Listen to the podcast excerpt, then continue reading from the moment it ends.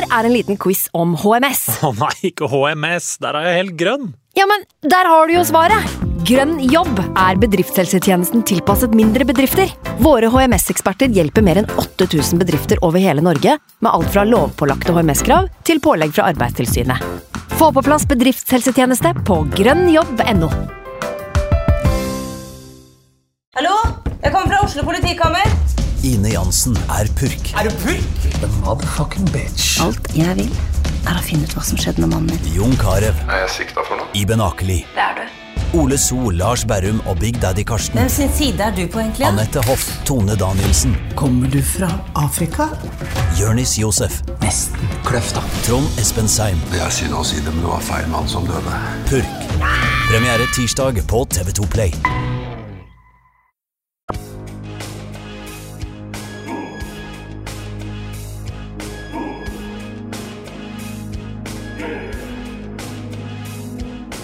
69. Den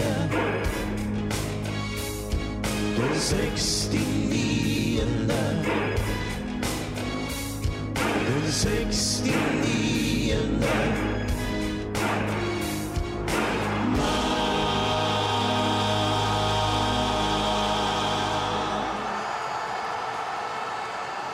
Velkommen til en bonusepisode av Den 69. mann, hvor vi rett og slett skal holde et kurs i hvordan man spiller fantasy. Nei, det er ikke jeg eller Frank som skal holde kurset, heller ikke Snorre som ligger og er syk igjen, men en fantasyekspert av de sjeldne, Franco Rocher. Rocher, er det riktig? Jævlig bra uttale. Jeg hører masse rart. Det er litt fransk, eller? Ah, du, ja, det er godt gjetta. Det er det unger også ofte gjetter. Men, eh, men eh, det er vel liksom der det stammer fra langt bak i tid. Jeg har jo far fra Sri Lanka og norsk mor fra Honningsvåg, så det er jo eh, det er en rar miks. Men navnet er jo fra min far, da, som har tipp tippoldeforeldre fra Frankrike, så det er veldig sånn langt tilbake i tid. Heldigvis er det ikke Altså, srilankiske navn kan jo være ganske lang og klønete å si, så føler meg velsigna med at jeg har fått et av de få enkle som stammer derfra. ja, så du er jo Frank og Franco. Jeg vet jo hvem som var heldig med navnet her. For å, ja. Du må holde tunga rett i munnen i dag, Jonas. Ja, ja. ja. Nå, er ikke, nå er jo ikke Snorre her til å passe på meg og Frank. Det kan hende at uh, lytterne vil merke det, og uh, gleder seg nok til Snorre tilbake neste gang. Men uansett Foreldrene mine er ikke smart nok til å legge på en O ekstra. Ja. Eller C. Uh, uansett, velkommen til den 69. mannen, Franco. Tusen takk. Veldig hyggelig. Veldig hyggelig. Jeg kan informere om at uh, denne episoden her, den spilles inn uh, før helga, men den uh, slippes da på mandag. Så det er um, fire-fem dager mellom innspilling og til slipp. Det er rett og slett for at vi skal få um, tida til å spille ja. den inn. Ja, for når det er onsdag, så sier du før helga. Ja, før helga. Det er lille lørdag. Ja, ikke sant? Så hvis det uh, skjer at uh, Vetlesen ryker korsbåndet i helga, og uh, vi sitter og snakker opp han i poden her nå, så er det årsaken. um, før vi går nærmere inn på deg og episoden generelt, så ønsker vi bare å ta dere kjapt gjennom episodens formål. Eh, Frank, hva er det lytterne skal sitte igjen med etter denne episoden her? Klart Vi må kjøre en fantasy-episode nå før sesongstart. Fantasy er jo et uh, svært populært spill, uh, spesielt uh, Fantasy Premier League. Men vi ser jo også økninger i den norske fantasy-modellen. og Fjoråret så var det vel over 40 000 spillere. og Vi håper jo også at interesse rundt fantasy vil bidra til økt interesse rundt norsk fotball. fantasy skal være gøy, men for at det skal være gøy, så må man også lykkes. Derfor tenkte vi det å lage en episode nå med Norges mest anerkjente fantasy-ekspert, Franco. så han skal hjelpe oss rett og slett å holde et kurs, da. Uh, kurs i gåsetegn. Uh, vi, jeg blir sikkert å lære like mye sjøl. ja, det gjelder strategier, bruk av chips, hvordan man tenker på å oppsette lag og mye, mye mer, rett og slett. Det er jo det vi kommer til å bruke del én av episoden til. For dem som er litt mer dreven i fantasy, så vil vi i del to uh, gå litt mer, eller ta et mer dypdykk da, innpå spillernes uh, verdier, eierandel. Hvilke spillere bør man ha, hvilke spillere bør man styre unna, og mye mer. Ja, og avslutningsvis så vil vi snakke litt om hvordan vi sjøl har tenkt med lag, taktikker, hvordan vi vektlegger og fordeler midler, risiko, uh, hvordan spillere er safe og osv. da. Så. Men uh, før vi begynner å snakke fantasy, Franco, um, så lurer jeg på hvem er egentlig du, da? Nå har jeg jo sittet et par år og hørt på deg. Jeg har hatt deg i øret, hvis det er lov å si. Men uh, hvem er du egentlig? Ja, en grisegutt av dere. Én trønder og to, to nordlendinger. Det er uh, ja. Nei, det, det, er litt artig. Altså, sånn, jeg vet ikke om det liksom er harry eller humor å hete Den 69. mann. Jeg klarer liksom ikke helt å bestemme meg. For jeg har liksom kommet til et punkt hvor det er liksom egentlig litt artig. For det er, det er litt bygda, men så har du jo også den der danske stygge spissen i Stabæk med, med, med den her manbunnen sin og 69 på ryggen. Så kan, dere treffer så mangt. Uh, så det er jo artig. Men nei, jeg er jo fra Finnsnes. Jeg, uh, jeg har Jeg vet ikke hvor mye mer jeg skal si. Nå bor jeg i Asker. Jeg har bodd i Oslo veldig, veldig lenge. har to unger.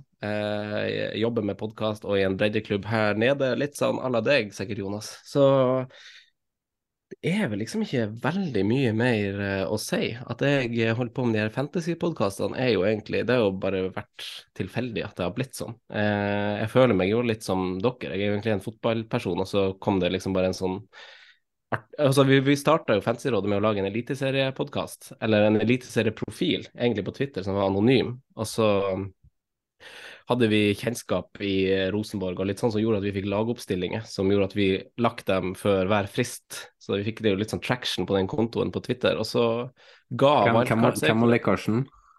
Eh, det er hemmelig. han, er, han, er, ikke der lenger. Nei, ok. Eh, nei, eh, så litt sånn tilfeldigheter gjorde at det ble i Premier League til slutt, da, fordi Wildcard ga seg. Og så litt som dere, det var liksom bare sånn det, Som vi snakka om før du trykte rekord, Jonas, at det bare det var bare noen som sa hei, skal vi lage en podkast ut av det, og så bare ble det det, egentlig uten at vi tenkte noe mer på det. Så, så jeg, er jo, eh, jeg er jo blitt han Fantasy-Franco, da, litt sånn Selv om jeg ikke Jeg er jo på ingen måte en ekspert som kommer til å servere dere tall og underliggende tall og sånn. Jeg liker egentlig først og fremst å se fotball og gjøre fantasy-valgene basert på det, heller. Når du vokser opp, da. Hva var det du, som lå ditt hjerte nærmest? Var det eh, norsk mm. fotball, eller var du litt sånn som jeg var, eh, med engelsk fotball? Eh, nei, det var nok en slags kombinasjon, tenker jeg. Jeg tror nok det var mest engelsk fotball, fordi at det var jo det vi tippa på og så på hjemme i stua etter å ha vært eh, på banen, holdt jeg på å si. Spist bugg og slimgodteri og, og sånn, og så var det hjemme og, se, og tippe for fire kroner eller 16 kroner på den her eh, lappen, og så hjemme og se på Premier League. Så det var jo liksom det ble liksom det største. Og jeg vet ikke hvordan det er for dere. Frank, du er jo fort vekk fra Bodø, og du er jo fra Trøndelag, så dere har jo liksom hatt større klubber veldig nær dere. Og, men dere er jo også derfra dere er, så dere vet at distansene i nord er jo ganske lang. Så vi hadde liksom ikke den kjempetilknytninga til TIL som jeg kanskje ønsker vi kunne ha, da. Eh, så det har jo alltid vært bare sånn at man følger det litt i sidesyn. og så er man, Jeg er jo fra Finnsnes, så man er liksom på filkamp. det var liksom det laget man fulgte, og så var det internasjonal fotball. Eh, men eh, jeg er jo veldig glad for at dere skal lage en, en fantasy-episode. Ikke nødvendigvis for at lytterne deres liker det, og det er for så vidt vel og bra, det er alltid på å si at man ser på fotball for fotball og ikke for fantasy. Men om man skal liksom gi folk en grunn til å spille det i år, er jo som han Frank egentlig antyder, at altså Nå har vi jo fått den TV 2-podkasten òg, og eh, de satser jo stort både på norsk fotball og på, på, fantasy. og om ikke i veldig stor grad, så i noen grad så vil jo liksom antall deltakere i fantasy være eh, representativt for hvor stor interessen er for norsk fotball. da. Så selv om du Jonas, dette av midtveis i sesongen, så er det jo mhm. kjekt at du lager deg lag allikevel. fordi at hvis man får veldig mange deltakere der, så gir det hele produktet et kjempeboost. Så jeg mener, jo at, eh, jeg mener jo at en, eh, er man glad i å spille fantasy, eh, og man gjør det bra, så øker jo interessen for norsk fotball òg. Det var jo litt sånn for meg i Premier League som holdt på å datte av, men så gjorde jeg det veldig bra i Fantasy, og det gjorde at jeg satt jo så alle kampene der jeg hadde spillere involvert, og bantes eller jubla hvis Burnley møtte Newcastle, for det var for jeg hadde et par spillere på det laget, eller de jeg var i liga med, hadde en kamp, så satt jeg og håpa på at dem og dem ikke skulle gjøre det bra. Um, så hvis man klarer å booste fantasy i Norge, så tror jeg det kan gjøre litt for interessen. For det er jo veldig mange eh, som aldri har hatt et forhold til norsk fotball. eh, som bare har eh, ja, vært låst til Premier League, da, så har de spilt mye fantasy. Så syns de det er artig. Altså, kanskje vi skal prøve det norske, bare for å se om de får en god start. Får en god start, og så plutselig sitter de der og ser Odd mot Sarpsborg. Det er jo Så um, ja, jeg tror, det, jeg tror det kan uh, skape interesse, da. Mm. Ja, det er helt, helt enig. Det tror jeg eh, det tror jeg òg. Så det er bare å lage et lag selv om du ikke følger med. Så de tallene der eh, er viktige. Men um, hvordan ser en vanlig hverdag ut i ditt liv, da? Uh, når står du opp, og hvordan, uh, ja, er en vanlig dag? Ja, du er småbarnspappa, du òg. Eh, jeg klarer ikke å sove til klokka halv tusen lenger, sånn er det ikke. Men eh, nei, nå er det tidlig opp, men det blir jo en del av rutina etter hvert, så jeg vil ikke ha bytta ut pappalivet mot noe nå, selv om eh, det på visse tider føles ut som man ønsker det. Men eh, Ja, sant. Men eh, nei da, det en vanlig dag er Altså Nå som vi har den TV 2-podkasten, så blir det jo veldig mye annet. Og så har vi jo Fantasyrådet og det er jo, det er jo som dere òg snakker om, da. Det er jo, altså Podkast er jo gøy. Så det er jo det man vier veldig mye tanke til og vil gjøre mer av. Så akkurat nå så er det jo litt det. Og så jobber jeg i en breddeklubb i Asker. Det, det er jo ikke kjent for dere, da, men det heter GUI. Det er en sammenslått klubb eh, som røkka ned til femtedivisjon med A-laget sitt, men jeg jobber i barnefotballen der. Eh, så det er Jeg koser meg egentlig. Det er jo fotball på heltid på et eller annet eh, plan. Akkurat som dere gutta. Du lever jo drømmen for mange. Ja, det, det Ja, du jobber jo i fotball på fulltid, så er det jo uh, mange som drømmer om det. Ja, dere, gjør ikke du det? Nei, jeg sitter og kjører robot med kameraene i kloakkrør, så jeg filmer bæsj. Hva Frank gjør? Jeg er butikksjef. Du er butikksjef, ja. Altså, du, du, du og gjør litt sånn rampestreker. Når, altså, når du er sjef, så kan du tøyse litt. Da er det masse podkast-tenking. Ja, det blir jo det. Og så er det jo for, den største fordelen er jo det at jeg kan ta meg fri til å drive og reise på borteturer bare jobbe litt ekstra før. Så Ja, sant. Det er fortjente frynsegoder.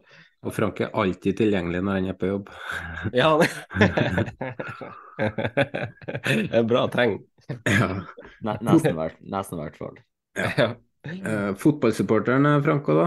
Eh, for å dra litt mot norsk fotball. Ja. Du sier jo at du eh, vokste opp eh, utenfor eh, Tromsø, men sleit. Hadde kanskje ikke den tilhørigheten til TIL.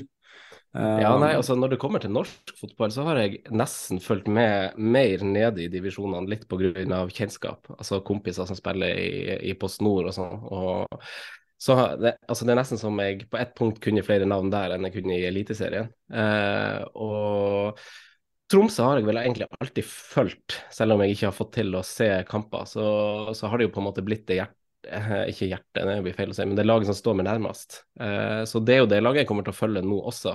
Eh, og syns jo ting, ting som skjer der er spennende, så det handler nok litt om det òg. At det, det, man merker liksom i lokalaviser at interessen for TIL har våkna litt, og det drives litt bedre enn hva det kanskje har gjort. Eh, så det er nok en sum av mange ting, men eh, jeg gleder meg veldig egentlig til å, til å følge med på Eliteserien denne sesongen. Og jeg har bare alltid vært god på våren, egentlig, og så detter litt av på sommeren når man, eh, når man skal på ferie og sånn. Men i år så skal det ikke det. Da gjør vi bare sånn, så er vi stille i fem sekunder. Det er sånn at Snorre skal se på når en skal inn og kutte og sånn. Ja, det er fair. Ja. Du har, eh, skal vi si, to faste podkaster og én litt på vent, blir det riktig å si?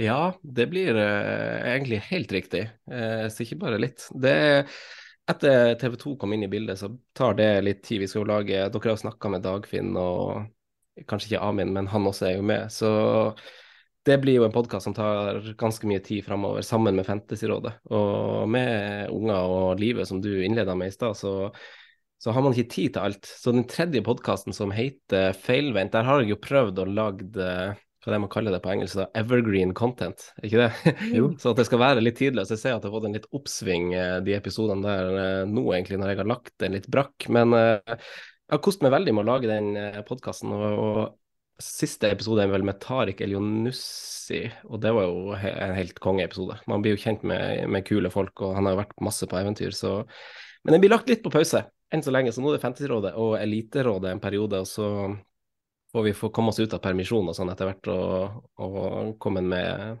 mer feilvendt, som den tredje podkasten hit også etter hvert.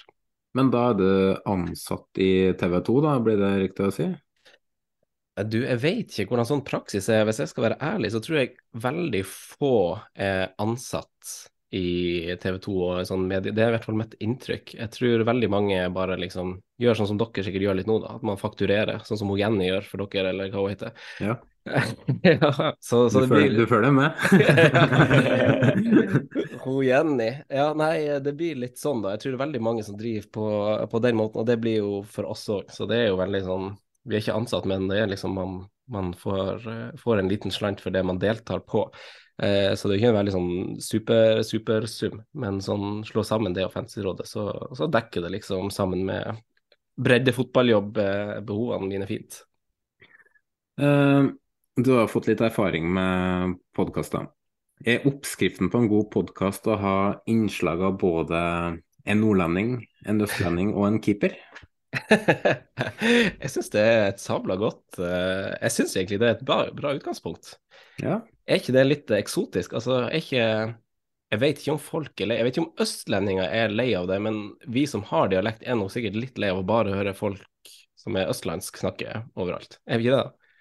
Altså, jeg eh, det var en periode jeg irriterte meg over andre trøndere på TV-en. Hvordan trøndere da? Nei, det er de som var kanskje litt vel breiale når de prata, da. Jo... Og det er ingen spesifikke du tenker på? Nei, egentlig ikke. Um... Nå tenker jo jeg bare på sånn Mini Jacobsen eller noe sånt i TV 2-studio eller noe sånt, da. Ja, Det er ikke så ille. Nei, det syns jeg var fint, da òg, men uh... Men det var der, der jeg gikk nå når du snakka om dialekter, og så tenker jeg jo naturligvis på Bodø-dialekter sjøl, da. Bodø-dialekt er jo ganske fin. Den er jo ganske clean. Ja, det er den faktisk. Ja, den er jo det. Bo altså, jo... Bodø og Tromsø blir jo litt sånn uh, forfina nordnorsk, da. Ja, det er sant, det. Det blir storbyer i gåsetegn. Ja, det er jo det. Det er jo ganske mye finere enn sikkert meg, og du også, Jonas, snakker jo egentlig ganske støkket. Sånn, ja, ja, altså, du har jeg, jeg, er der at uh, hvis en um, språkforsker hører meg snakke, så greier han ikke å høre hvor jeg kommer ifra. For når, når jeg flytta ned hit, så får du høre 'hæ' hver gang, så tredje ja, gangen så blir jo ordet på bokmål, da. Så, da, ja, så jeg blir jo mobba når jeg er her, jeg blir mobba når jeg er i Trøndelag, så, um, så ja. Men uh, vi snakka litt om det i forrige episode. Eh, vi har jo en intern konkurranse i vår eh, fantasyliga, eh, med Snorre og Frank, der vi skal Ja, vi har bedt lytterne om forslag til å få en passende straff da, til taperne. Til, eller han som taper konkurransen. Mm. Har du noe forslag eller innspill til en straff der? Nei, altså, jeg kjenner jo ikke dere. Eh, jeg kjenner dere via Twitter, og via Twitter så virker dere villige til å gjøre ganske liksom mye i en straff. Ja. Eh, og for, for liksom de, forslag, de, forslagene vi får, er jo liksom bare sånn farg håret sølv. Altså sån, sånne ting som sikkert er litt sånn Det er litt artig, men uh, liksom uh, jeg er ikke kreativ til å komme med et liksom, drøyt nok forslag eh, som jeg tror dere er villige til å gjennomføre. Altså finne liksom, den riktige balansen til at her må dere strekke dere litt, men dere kommer til å gjøre det. skjønner du? Kappa en finger? Ja, eksempel. vi, vi, var faktisk inne på tattoo på ræva sist, da. Jeg er faktisk litt for den, og Snorre var veldig positiv, han òg. Men, uh... ja. Men hvordan tatovering er det snakk om, da? Nei, det kan være logoen til podkasten eller noe sånt. da. Eller eh, ja, du kan jo ikke ha noe jævlig heller, for vi skal jo gå med det på ræva resten av livet. da. Så Ikke så mange som ser ræva di. jo, det er det, overraskende så mange. Er det det? Nei da, det er ikke det. Men, eh, men eh, dere, har, dere er jo tre som har egen uh, fantasypodkast. Vi er tre. Kanskje vi skulle ha kjørt en uh, samla, eller en konkurranse på tvers av podkastene? Samla poengsum? Ja, du, det må vi gjøre. Det må vi gjøre. Da Der. må, liksom, da må liksom ha Frank og også som følger med i timen. Hvis ikke så drar han jo det, det skipet ned i bånn der. Ja, altså Altså, jeg, jeg lå topp ti lenge i fjor, altså. Gjorde det? Hva skjedde? Nei, eh, de siste ti rundene ramla litt av, så jeg havna på sånn fem-600-plass. Ja, men det er ganske greit, det òg, ikke det? Ja, det det er innafor. Men det var liksom kjipt å se at du fikk den der knekken eh, etter sånn 20 serierunder. kom det en knekk, og så bare sånn faen, eller raste ned på lista. ja, det er faktisk helt det er umotiverende når alt bare butter. I hvert fall når du ligger der du ligger. Mm. Men jeg klarte jo å snu den trenden da, sånn at det ikke ble verre enn det det ble. da, sånn at jeg tenker sånn 500-600 i Norge, det er innafor. Hva er målet deres i år? Jeg vil jo jeg vil forbedre fjoråret, da. Jeg skal målet mitt uh, ikke tape internkonkurransen. For um, hadde det vært uh, Premier League-podkast og jeg har fulgt med engelsk fotball, så hadde jo målet vært å vinne. Men jeg har gjort det ganske svakt i norsk fotball år etter år. Litt for dårlig på eh, se på tall. Og så har jeg vært litt for glad i å ha Rosenborg-spillere. Har alltid hatt tre Rosenborg-spillere og spilt litt med hjertet. Og jeg Molde-spillere skal ikke jeg ha noe annet her. Og jeg jeg Ja, ikke blitt sant. litt for følelsesstyrt, og så uh, blir jeg veldig fort utålmodig, da.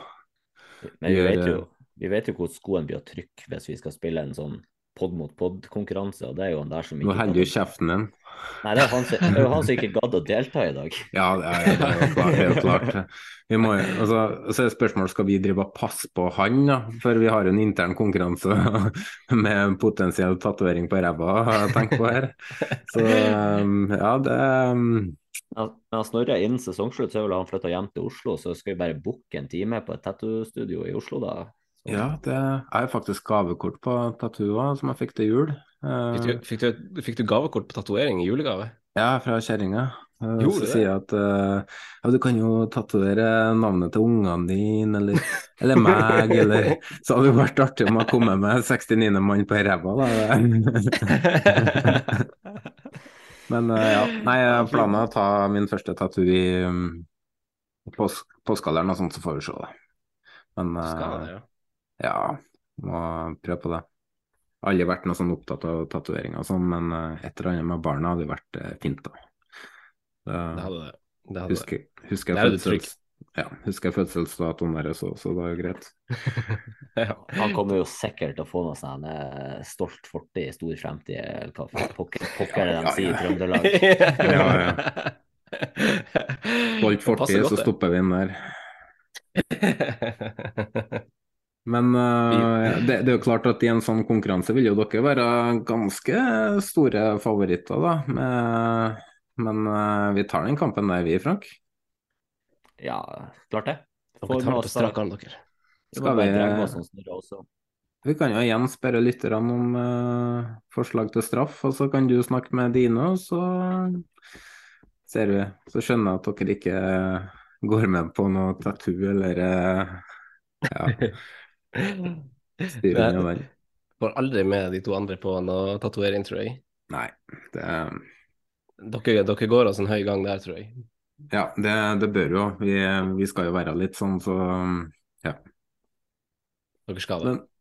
Nei, men da tenker jeg vi går eh, videre, og så kjører vi litt uh, det, det er så bra at du driver og planlegger episoder. Det her skulle ta åtte minutter. Nå har vi holdt på i et par og tjue. Så det lover bra. Men uh, da går vi videre vi til uh, Fantasyskolen.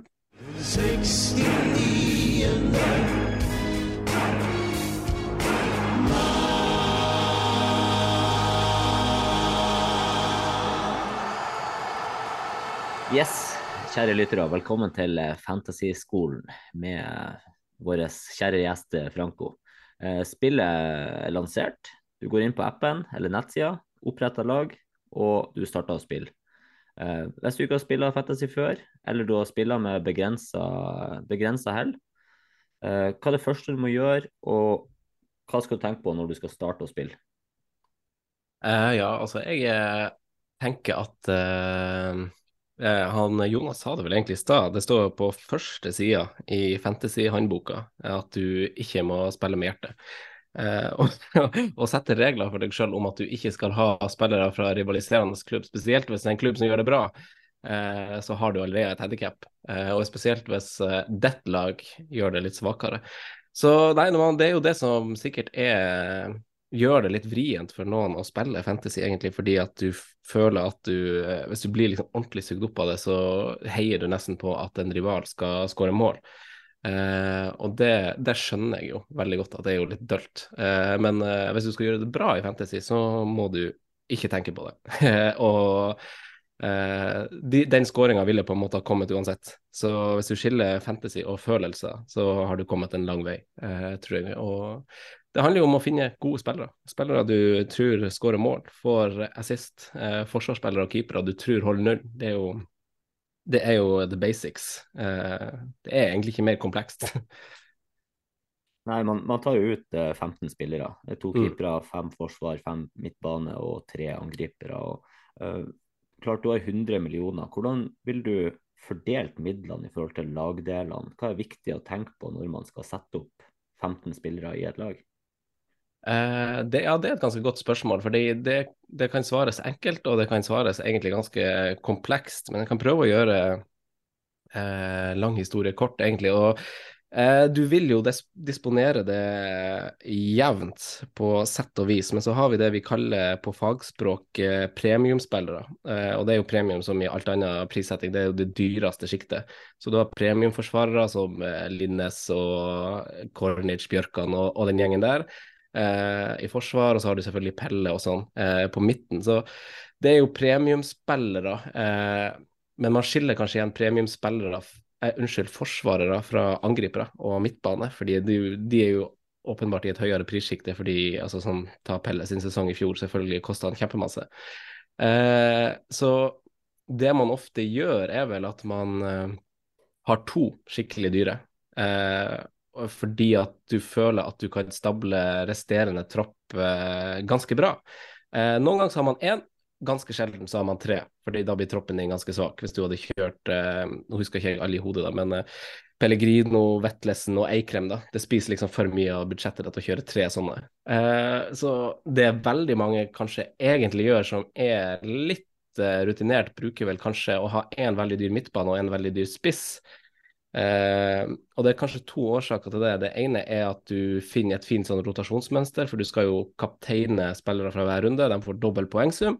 Eh, du velger ofte premiumspillere fordi du ønsker å kapteine dem. Hvis ikke så kan man stille spørsmål om dem er verdt pengene. Eh, og da finner man ofte en fin rotasjon. Er det liksom en god spiss i ett lag og en god midtbane i ett lag som roterer fint, eh, så velger man de. Eller så, eller så er det jo også praktiske årsaker til at du ønsker å ha én i hvert ledd. fordi at hvis du på et eller annet tidspunkt må selge én av de, så er det veldig lett å investere de pengene i en ny spiller. Så hvis du har to, to spisser og trenger plutselig en midtbane, så krever det litt mer omstokk i strukturen din. Eh, ellers så er det bare at du investerer. Eh, mitt eh, tips som er kanskje best, er at du skal investere mest i elveren din, ikke tenke så mye på benken. Uh, du skal ha en så billig som mulig benk, og det gjelder også keeperen din, mindre med du velger å rotere keepere, da, basert på hvem, som har heimekamp, f.eks. Men uh, det veldig mange gjør, er bare å velge en keeper som står hele tida, og så har du en veldig god elver, og så har du en ganske billig benk, uh, og nesten så billig som mulig, så fremst spillerne spiller, og så kan de komme inn ved behov og få ett eller to poeng eller noe sånt. Men ikke bruk penger på å ha en dyr 15-mannstropp. Bruk penger på å ha en god 11 et 11-mannslag og eh, ha en billig benk. Det er jo Jeg eh, kan dra det til skal, Vi er ikke noen fan av å snakke så mye om Premier League og sånn, men eh, i korona så var det jo litt eh, Fikk man jo litt andre uh, utfordringer med tanke på det taktiske der med spillbar benk. Mm. Fordi man hadde jo ikke noe kontroll på åssen spillere som var tilgjengelige og ikke. Eh, min opplevelse fra å ha spilt Eliteserien eh, tidligere, var at man faktisk burde tenke på benk. Fordi, Ja, for... man fikk, ja, fordi man fikk veldig dårlig info fra klubbene. Plutselig er det to mann som ikke er i troppen, og ingen har hørt noen ting. Uh, mens nå som TV 2 har tatt over, så føler jeg det er mye mer oversiktlig. Da. Og på, jeg vil jo òg anta at Fantasy-appen vil bli langt mer oppdatert i forhold til eh, om det er 75% sjanse for at de spiller, eller om eh, Mm. ja, om eh, hvordan tilgjengelig man er, da, i og med at jeg tror TV 2 har litt bedre innsikt. Så, Ja, det jobbes jo ganske mye med, det gjør det. Og, vi, og fristen er jo også forskjøvet fra det man er vant til. Så nå, vil jo, nå er det riktignok ofte bare én kamp da, som man får se lagoppstillingen til. Eh, men nå får du se lagoppstillingen til de første lagene òg, som Mm. har åpningskampen. Så det hjelper jo betraktelig, og vi håper jo det kan hjelpe mengden òg. At det bare er jeg tror det er fem minutter, ikke det? Eller ti minutter var i hvert fall det vi snakka om på Oi. det formøtet. Men jeg tror det er fem minutts frist. ja, eh, det er klasse. Ja, det burde hjelpe veldig mange. fordi sånn som det var i altså Lagene i Eliteserien slipper jo lagene sine én time og et kvarter før frist. Mm. Eh, eller unnskyld, før kampstart. Og så, og så var jo fristen en time før tidligere sesonger. Så det var liksom det ene kvarteret du satt med lagoppstillinger, og der er det jo klart det er bare det er jo bare kjernen på Twitter som sitter og følger med på det greiene der. Eh, så da får man sikkert lite fortrinn. Er klart det er åpent for alle, men sånn i praksis, altså Jonas, når du er på lekeplassen med dattera di, så, så, så glemmer du bort det der. Eh, Ja, ja, ja. Men når du har eh, plutselig nesten litt over en time på den lagoppstillinga, så hjelper det nok flere, tror jeg. Ja. Det tenker jeg. Tilbake til manus, hvis vi skal kalle det i gåsetegn. Hvordan type spiller bør man se etter? F.eks. for eksempel, ser man en fotballkamp på TV, så syns man kanskje en Patrick Bergen, Yttergård Jensen eller noe sånt er kjempegode fotballspillere. Mm. Men er det spillere som man ville valgt i Fantasy, eller ser man etter andre spillere? Ja, det er jo et veldig godt spørsmål, egentlig. Fordi eh, det er jo kanskje noen som er såpass nybegynnere at de eh, trenger svar på det. Eh, du skal jo du skal jo først og fremst stable et lag du tror av spillere, altså forsvarsspillere du tror holder nullen, og angrepsspillere og midtbaner du tror er involvert i mål. Eh, så du skal ikke stable et lag du tror ville gjort det bra på ordentlig, på en måte. Eh, og kaste inn defensive midtbaner, selv om de er kjempegode, har veldig liten hensikt i et sånt lag. Og de er prissatt veldig lavt av en grunn. Det er ikke sånn at hvis du det er ikke sånn at du har funnet et varp hvis du finner en eh, billig Glimt-spiller eh, som spiller defensiv midtbane, på en måte. Eh, han er prissatt sånn av en grunn. Eh, så, så du må sette opp et lag som du tror rett og slett får poeng, og ikke spiller bra på ordentlig. Og det er jo veldig mange som, som gjør det i starten, det, eller at man eh, setter opp et lag hvor man dekker de gode lagene. Jeg har tre fra Molde, jeg har tre fra Glimt, jeg har tre fra Rosenborg. Nå har jeg et superbra lag. Det er liksom ikke, ikke tilfeldigheter. Det er viktig å huske at også de eh, dårlige lagene har gode spillere, Eller dårlige lagene, altså de antatt svakere lagene også har eh, gode spillere eh, som, som ofte er priset høyt. Altså, eh, vi snakka om det i studio i TV 2 før eh, altså Stabæk kom jo på kvalik, og da var jo Frank Boli en av toppskårerne. Så det er liksom Det handler om å ha riktige spillere, ikke dekke riktig lag alltid. Rett og slett. Ja, og det har vi egentlig sett litt i år på prissettinga fra TV 2. Eh, tidligere eh, på norske Fantasy så har det vært eh, for, eh, for dårlig prissetting, syns jeg, som har endt opp med at alle har eller i hvert fall de i toppen, da, har endt opp med likt lag. Mm. Så hvis du hadde et forsprang til å begynne med, så var det nesten umulig å avansere på eh, den lista. Mm. Eh, år så syns jeg det er dratt litt mer på, med dratt opp prisen litt. Har eh, de som ja, har eh, best forutsetninger til å levere individuelt da, eh, av de offensive, de, er- de er dyr. Sånn som Pellegrino, Berisha, Lene Olsen. Og så har man eh, forsvarsspillere som Line, som er oppe i sju, og Kornik til, til um, seks, blant annet. Så Mm. i år så føler jeg at eh, prissettinga er mye bedre. Det blir mer variert lag. Eh, men eh, ja, har, vi har vært inne på det med um, vektlegge spillere på benken og sånn. Men eh, en annen ting det er jo uh, kampprogram versus form.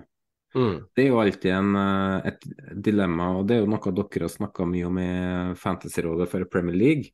For Mm. der er det ganske relevant. Men du som kanskje ikke har jobba med norsk fantasy før, du har vel spilt. Mm. Hvor mye vekt, vektlegger man kampprogrammet i norsk fotball, med tanke på at det er en liga der alle slår alle? Ja, sant. Eh, og jeg vektlegger kanskje i hvert fall mindre clean sheets. Altså, du ser jo på det i Premier League òg. Altså, eh, lag, lag, sine clean sheets sprekker jo oftere enn hva de holdes. Til og med liksom hos City og Liverpool ved få unntak, på en måte. Så jeg tror jo at eh, at uh, det er liksom litt greia her òg. Du ser jo at alle slår alle, og det er jo litt, litt tilfelle. Men jeg spiller altså akkurat nå, i hvert fall i forkant av sesongen, så er jo det det eneste vi har, egentlig. Det er jo mm. kampprogram og historikk, så det er ikke så mye mer data og ikke så mye mer å, å, å spille på enn det. Så eh, generelt så er jo jeg av den oppfatning at, eh, at form eh, kommer gjennom et fint kampprogram.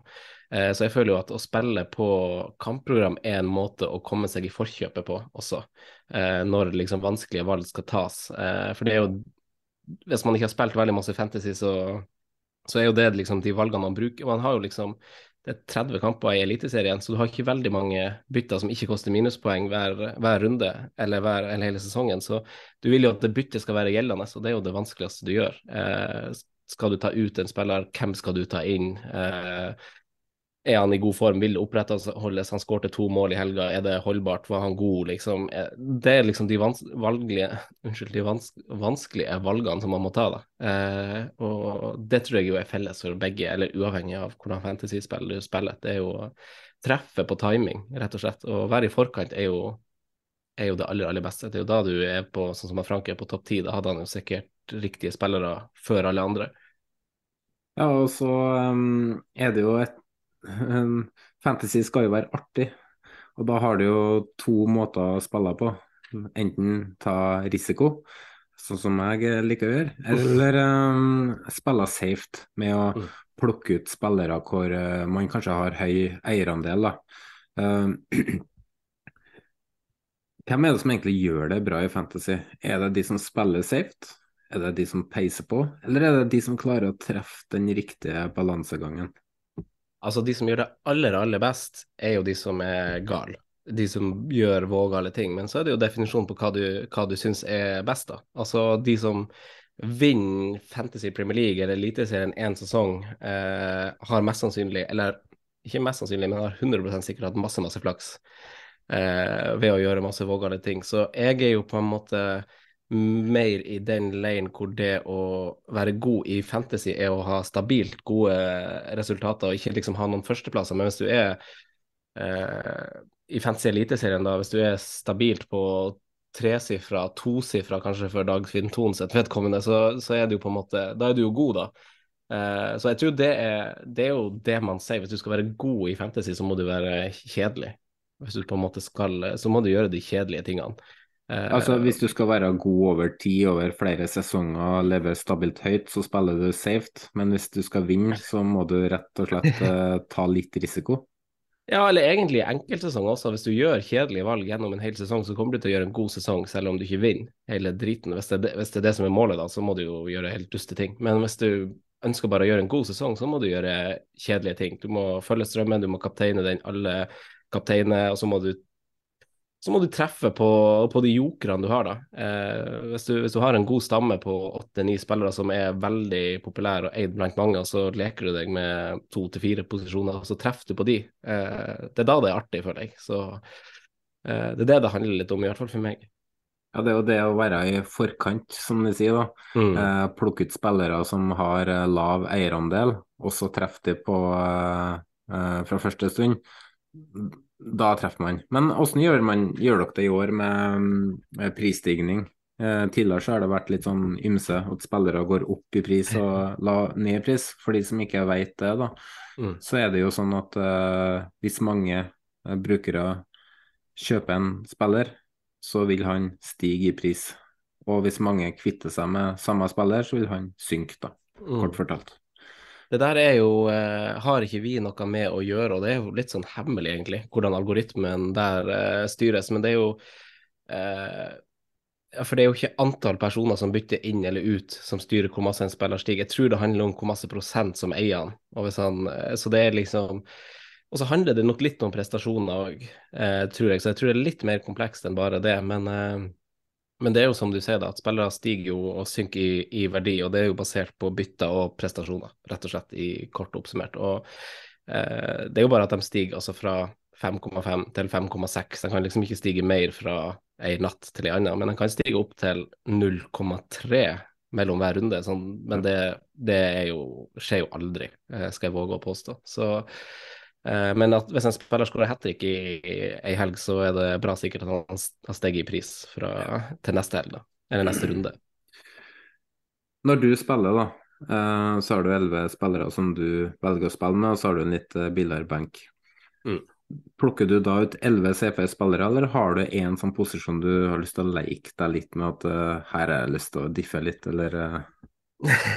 ja, vi skal jo snakke litt om vårt eh, lag etterpå, så jeg kommer sikkert tilbake til det da. Og det, altså, det kommer sikkert til å skje kjempemange forandringer før seriestart, for spillet har blitt lansert litt tidligere. Men det syns jeg er litt viktig for å gjøre det artig. At du, mm.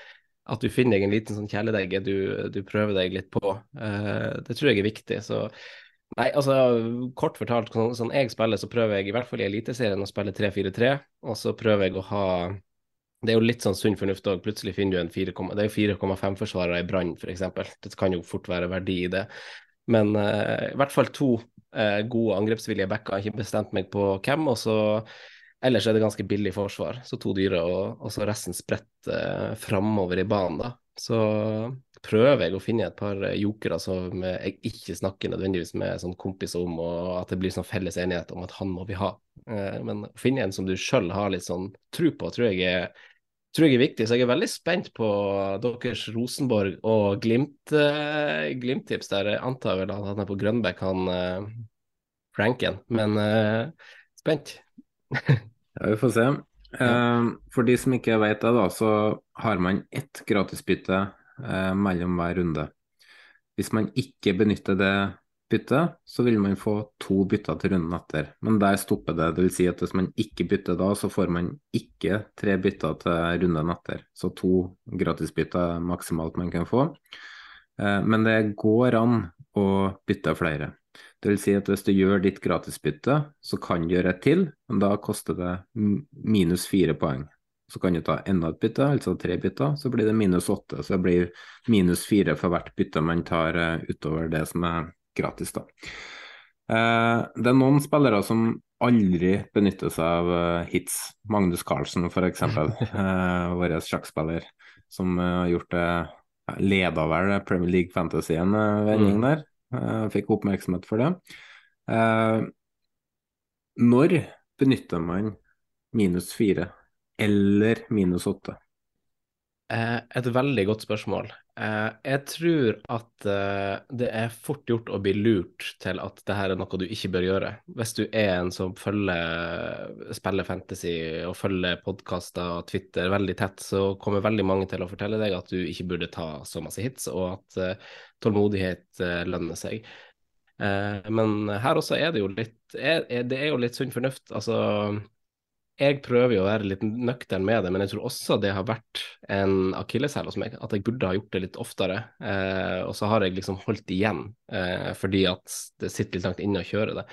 Så nei, jeg, jeg, altså Du må Jeg syns man skal, skal være nøktern med det, men jeg syns ikke du skal la deg stoppe eh, av, av, av, frykt eller prinsipp eh, når du virkelig liksom har trua for at, på en spiller, og så må du eh, gjennomføre et minus fire for å få det byttet gjennomført. da.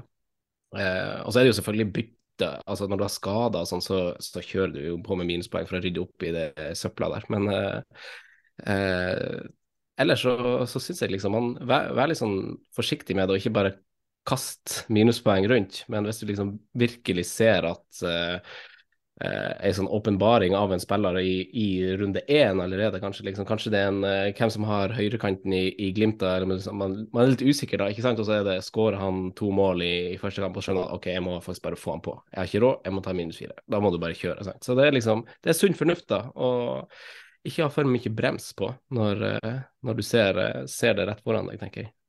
Jeg har jo vært kongen av å ta hits når Ja, jeg det, har kan, spilt det, kan tidligere. det kan jeg se for meg. Det er liksom den utålmodigheten som slår inn. Men jeg kjørte et regnestykke på det en sesong, og så hva tjente jeg på det hver gang? Mm. Hvis du treffer på øh, Da tenker jeg at hvis du skal ta minus fire, da, eller i verste fall minus åtte, da bør man kanskje ha i bakhudet om det er en person du skal kapteine. da.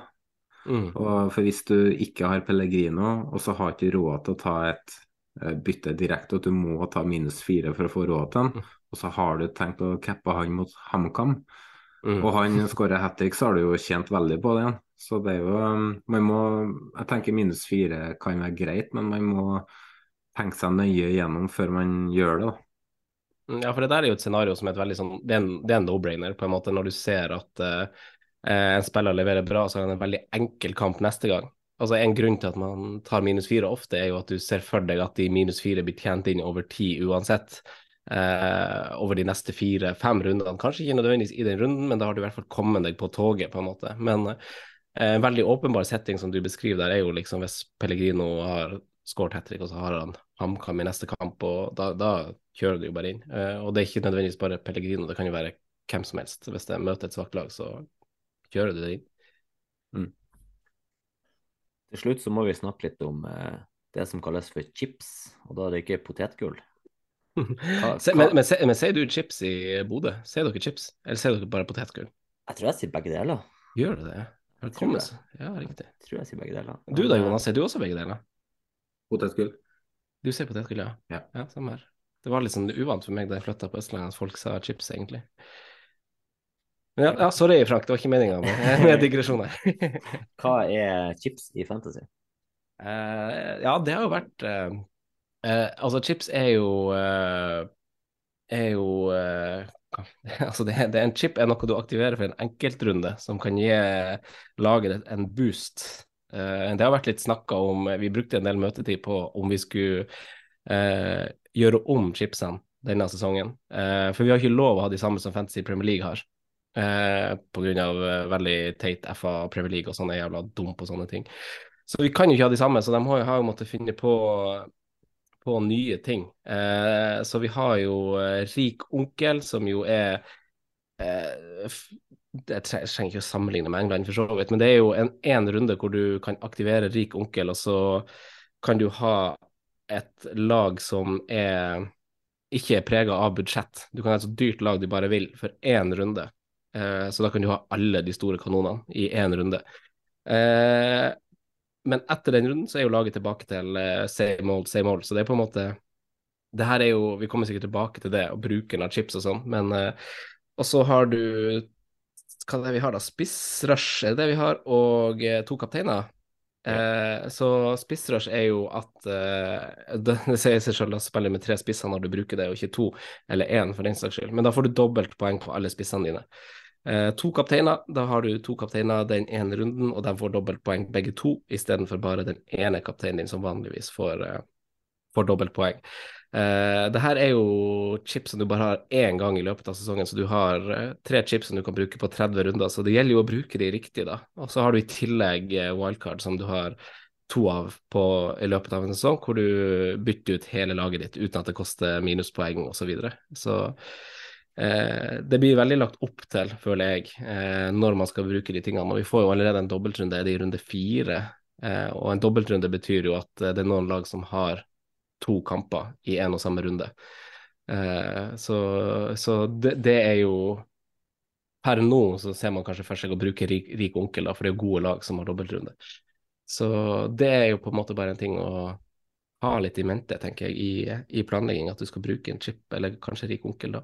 Og det sier jo, det sier jo at eh, man kanskje skal planlegge rik onkel, da, men så eh, Uavhengig av hvem som møtes i runde fire noe, men eh, det går jo Man må, skal jo gjerne planlegge et par runder eh, forover i tid når man setter opp et lag, kanskje ikke bare den ene runden, men kanskje se tre, fire, fem, seks runder fram i tid. Hvilke spillere skal du ha?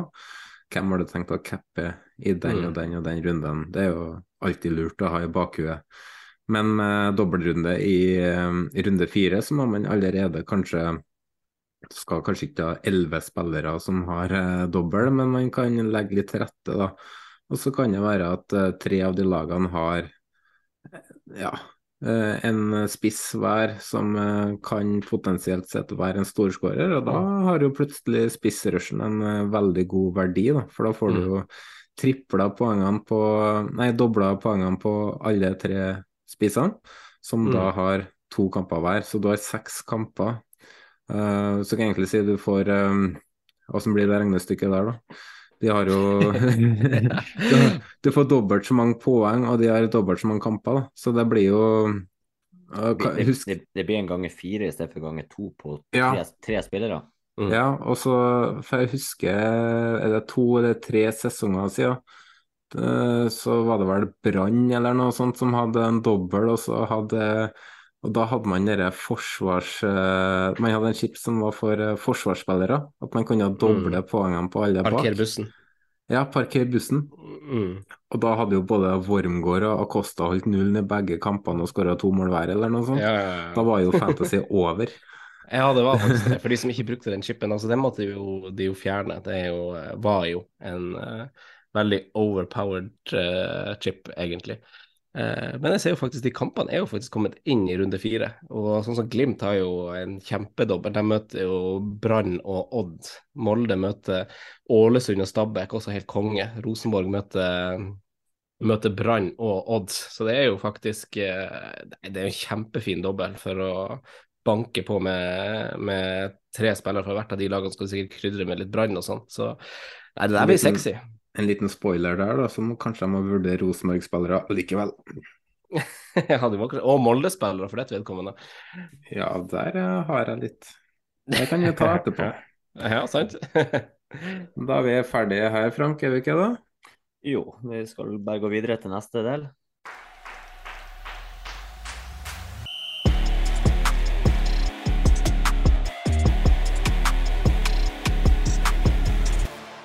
Vi går over i del to, hvor vi skal ta et nærmere dypdykk i enkelte av spillerne og lagdeler. Så nå er vi egentlig ferdig med skolen, skal vi kalle det. Fantasy-skolen. Um, Frank, Franco har jo god oversikt der, over der eh, tall. Ja, Frank, Franco. Jeg skal begynne å kalle Frank Jeg har kalt den eh, Frank for Snorre ganske lenge nå, så nå blir den Franco. Det er litt lettere å huske. Så er det et finere navn, Frank. Um, Frank er et solid navn. Ja, det er mer solid enn Snorre, da. Altså Snorre, da høres du bare svimmel ut, da.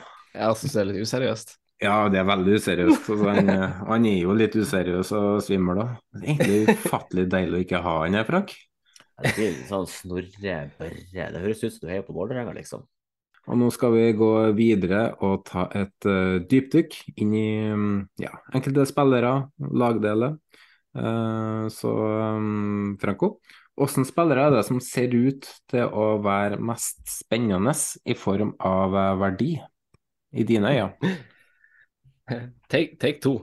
Eh, veldig, veldig godt spørsmål. Altså, så langt har ikke jeg kommet, og det er vel der vi har Altså, vi har såpass eh, mye tid igjen, egentlig, til å, til å gjøre research, men eh, eh ser på mitt lag eh, nå, eh, og det litt hjertetenking med Tromsø. Tror det kan være litt, eh, litt billig, billig, snacks der. Det er noen sko å fylle fra spillere som ikke var der i fjor. Eh, nei, unnskyld, spillere som ikke er der i år, men som var der i fjor. Eh, det kan være lovende.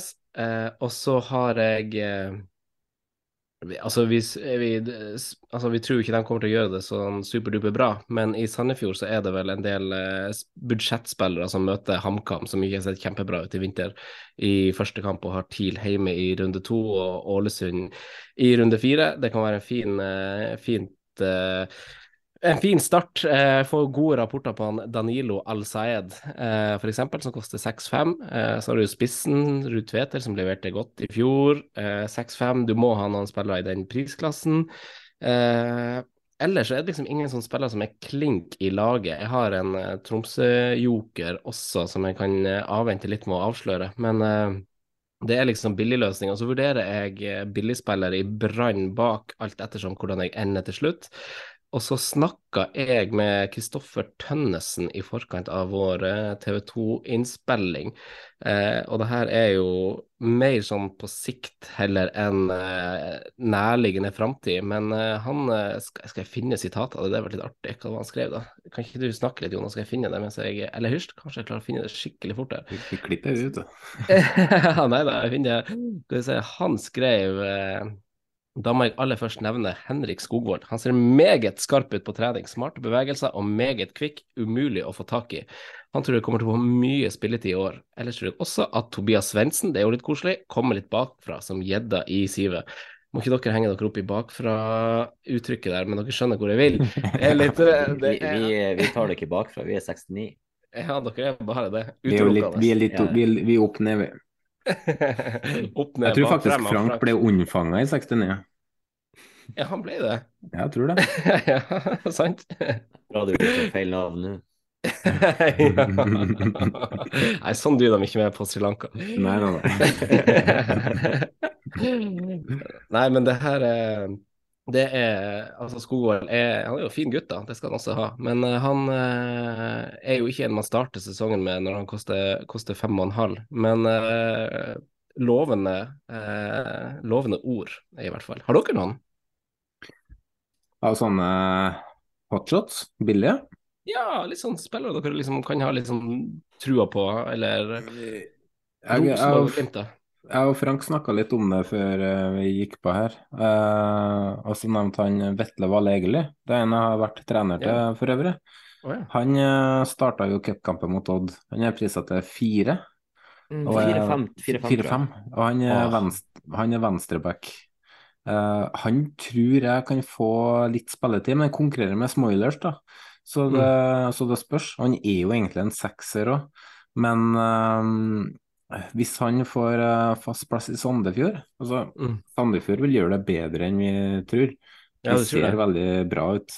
Uh, men uh, om det er at de skårer nok mål, eller at det er clean sheets de tar det på De kan fort ry inn fire mål i en kamp der, og så neste er det clean sheet. Men han står, ja, står som forsvarsspiller, og så kan det jo hende at han får spille midtbane.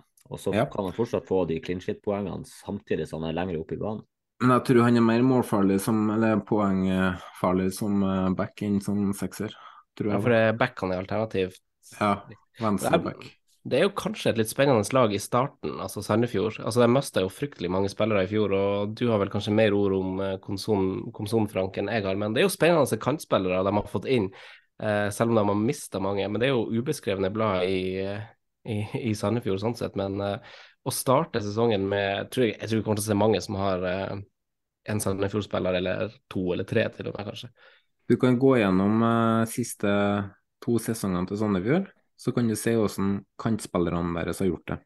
For ja, to, år, to, sesonger siden så hadde Kristoffer Normann Hansen og uh, han um, Hva heter han islendingen? Jonsson på hver sin back, og de, de leverte jo kamp etter kamp eh, mm. med målpoeng, assist og skåringer. Året etterpå, i fjor, Ofkir, akkurat det samme. Så mm. litt mindre produksjon på Daddy's Boy, selv om han uh, kom til en del uh, sjanser. Så var han slitt litt med skader, da, kan du si. Uh, og er det én ting som Hans Erik Ødegaard har lyktes med, da, så er det å få at kantspillerne er veldig um, avgjørende offensivt. da. De er, mm. Det er mm. de som er avgjørende eller involvert i det som skjer offensivt. Mm. Ruud Tveter er jo veldig møtende. Uh, han er jo først involvert når eller i avslutningsfasen når de har spilt seg opp i, mot etablert. Men ellers er han veldig møtende, og så er kantene veldig gjennombruddshissige. Så uh, Komson er jo egentlig perfekt for Sandefjord. Og jeg tror han kommer til å få en del spilletid, men per nå så har Jakob Dunsby og, um, og um, Al-Sayed gjort det så godt i preseason at det er ikke bare å sette ut de heller. Og Nei, de gjenskapte jo i cupen mot Odd. Og så har de i tillegg Daddy's Boy, så det er fire spillere der som, mm. som Daddy's Boy må jo ta nye steg da, for å ja, få produksjon. Men um, kantspiller i Sandefjord, det er ikke et uh, dårlig tips, altså. Det er det ikke. Nei, vi tar det med oss. Jeg tror jo også vi skal gjøre oss noe spennende eh, bekjente med, med det her eh, Kall det Obos-laget til han eh, Isnes eh, med godset. At Ja. han eh, får henter litt spennende som ikke har vært prøvd på det her nivået før. da. En, en Markus Menert f.eks. kan bli veldig spennende. Nå koster han sju blankt, da, men eh, en, en som må vurderes, i hvert fall. Jeg er spent på, spent på godset, og det er jo en utrolig spennende mulighet til treneren der. Så jeg er veldig Det er jo sånn eh, lag man er litt sånn usikker på hvor man har. Eh, det blir kult eh, egentlig å følge. Jeg bor jo liksom midt imellom Stabækland og faktisk akkurat svingen imellom, liksom. Der man sender ungene enten til Stabæk eller til Godset. Så vi får se. Får se hvor gutta mine er. Det er én spiller til da, som er veldig spennende. Det er Konrad Valem på Odd. Ja. Viser at det er fem. Han eh, er vel ganske så offensivt i den wingback-rollen og kan jo bekle enda flere offensive roller. Men rapportene fra Odd tyder på at han blir Han får sitt definitive gjennombrudd i år. Mm. Så han får fem og har en um, eierandel på 18% Det tror jeg um, Ja. Det, tror jeg Det er jo ganske høy prosent. Jo, jo men uh, ut ifra prisen så hadde jeg forventa at den skulle være høyere. Ja. Hadde, han, hadde akkurat han Sondre på her istedenfor meg, så ville han ha benytta muligheten til å, til å snakke opp han, tenker jeg. Selv om kampen mot Sandefjord ikke var all verden, så, så tipper jeg vi ser han Sondre. Han Sondre er jo veldig eh, norsk fotballfyr, og er jo Odd-supporter i Norge. Men eh, nei, bra shout. Han var med. Spillere med lav eierandel, er det, vi har vært litt inne på det nå, men uh, er det noen som blinker seg ekstra ut for deg, eller? Nå har jo riktignok vært innpå billige spillere, men spillere med lav eierandel. Har du kikka litt på det? Mm. Du, jeg har ikke kikka så masse på det. Jeg har jo, eh, altså Som utgangspunkt så tar jeg egentlig et lag som er eid av eh, ganske mange. Eh, altså er det eid av 5,5 eh, og så ser jeg jokeren min i tidlig og eid av flere, på en måte. Så eh, Nei, jeg har ikke liksom tenkt fryktelig masse på det, men uh, herregud, spillerne mine var made, eid mye mer enn hva det jeg så for meg at de skulle være. Det var nesten litt skuffende. Her må vi gjøre noe, gutta. Ja, tror, jeg vi har, nå tror jeg vi har samme jokeren fra Tromsø når du sier han eier mer enn 5 ja, det tror jeg. Hvem er din? Skal vi avsløre det? Ja, Vi kan vel si at det er kanskje han Zakarias Oppsal, da. Ja, har du han, ja? Ja, nei, jeg, jeg har han Erlien. Ah, Han er 5,9. Det er spennende. Ja, for du kjenner jo til han kanskje, eh, Snorre, holdt jeg på å si. Det står Snorre på skjermen din. Gjør det det? Du er jo inn, du er inne på masterbrukeren nå, Jonas. Masterbater. Men um, det er en spiller som uh, ja, Det er tynn. Den er tynn, Vagre. Men du kunne ikke la han gå. Nei, Det er den, sånn- er den sånn- kom. Det er sånn Kodal-humor. Ja. Ja, sant. Det er en, som- jeg må gi info til 33,4% av eh, brukerne av eh, Fantasy. Quint Jansen han spiller ikke et sekund for Sandefjord i år, så han er det bare å fjerne, sjøl om han koster fire. Og han blir vel Ja, man har vel han for han koster fire, for man føler at man må ha en til fire, men han blir vel også kanskje ikke med på utlendingkvota, forsto jeg. Ja, de har vel Er det to de har for mange nå? Så han har fått beskjed om at han kan finne seg en ny klubb. Uh, Tilbake til vi- Fil. Vi har diskutert den litt fram Larvik òg, så vi får se. Men eh, eh, bra spiller det. Eller hvis eh, han spiller på laget som kler han. Det er jo et av de snåleste signeringene i fjor, når Sandefjord som spillende klubb henter han. Eh, men eh, ja, han er i hvert fall på vei ut og har fått beskjed om at han ikke får eh, spille der i år. Eh, du har nevnt det så vidt. Hvordan lag bør man vektlegge? Er det, er det sånn at uh, det er alltid en risiko å triple fra en klubb? Mm. Men du har vært inne på doblinga i runde fire nå. Hvis du Ja. ser bort ifra den eh, doblinga, da, og tenker generelt, uh, bør man eh, ja, være forsiktig med tripling, eller, eller bør man gå for det hvis det er riktig klubb? Ja, det, det er jo lett å bare si ja til det siste du sa, men så er det jo sånn at det er jo på en måte det, Noen ganger så er det greit å ha en eh, posisjon åpen i et lag du har trua på òg, i tilfelle det er et spiller som kommer litt ut av det blå. Uh, for eksempel så har jeg jo bare per nå to fra Glimt. uh, litt sånn for at jeg lurer litt på hvem kan den tredje være. Uh, Molde har jo en litt seig start og rullerer jo også generelt masse. Eh, så, så, der har jeg vært litt mer sånn på vakt. Men eh, jeg har ingen lag med Altså, jeg har ikke dekt fylt kvota, men jo, faen, jeg har tre brannspillere per nå, faktisk. Det er sjukt. Mm. Har dere fylt noe? Ja, jeg har, jeg har to, to Brann og tre Glimt. Ja, så, tre... ja, du har tre Glimt. Har du tre Rosenborg, Jonas? Nei, null. Jeg har tre Molde. Men uh, ikke sikker Jeg er veldig usikker på Jeg satte opp lag først i går. Nå banner du kjekker. Hæ? Jeg gjør det. Men uh, du sa det, kan ikke spille med hjertet. Jeg skal ikke ende opp med tattis på rumpa, så uh, da må jeg bare ta kloke beslutninger. Men litt, vi kan gå litt mer inne på det etterpå, og vi kan vel egentlig um, gå videre til neste tema, som er vårt lag og våre strategier.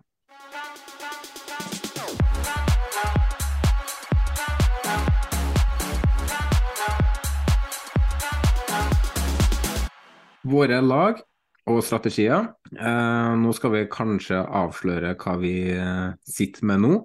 Eh, og som vi garantert ikke sitter med når serien starter. Erfaringsvis så er fort kanskje til og med åtte, ni og ti spillere fjerna til den gang. Men, dere, må fortelle, dere må fortelle liksom hvem som er altså vi, Jeg vet ikke hvordan du går gjennom det, men dere må si at han er med uansett, hvis dere har en sånn spiller. Ja, det, det må det må si. Gjøre. Ja. Um, når du setter opp uh, laget ditt nå, er det noe taktikk du har, eller er det noe valg du bestemte deg før du begynte at det må jeg passe på, eller det må jeg passe mm. på? Og hva er det i så fall? Nei, egentlig bare det vi snakka om litt innledningsvis. Jeg liker å spre, spre midlene litt. Eh, og så kommer det litt an på formasjon man skal spille òg, kanskje. Eh, så, så det, det, spørs jo litt på det. Men eh, jeg eh, prøver jo å ha riktige vingbacker. Der syns jeg har vært litt utfordrende å finne ut hvem jeg skal ha. Eh, og så er det liksom det premiumspørsmålet, hvordan dyre spillere skal du ha offensivt. Så det er liksom eh, Jeg har prøvd å balansere det litt, da, og det tror jeg jo jeg kommer til å ende med en balansert utgave. Men jeg vet ikke om det er de samme navnene jeg kommer til å nevne nå eh, om tre uker. Det er jeg litt usikker på.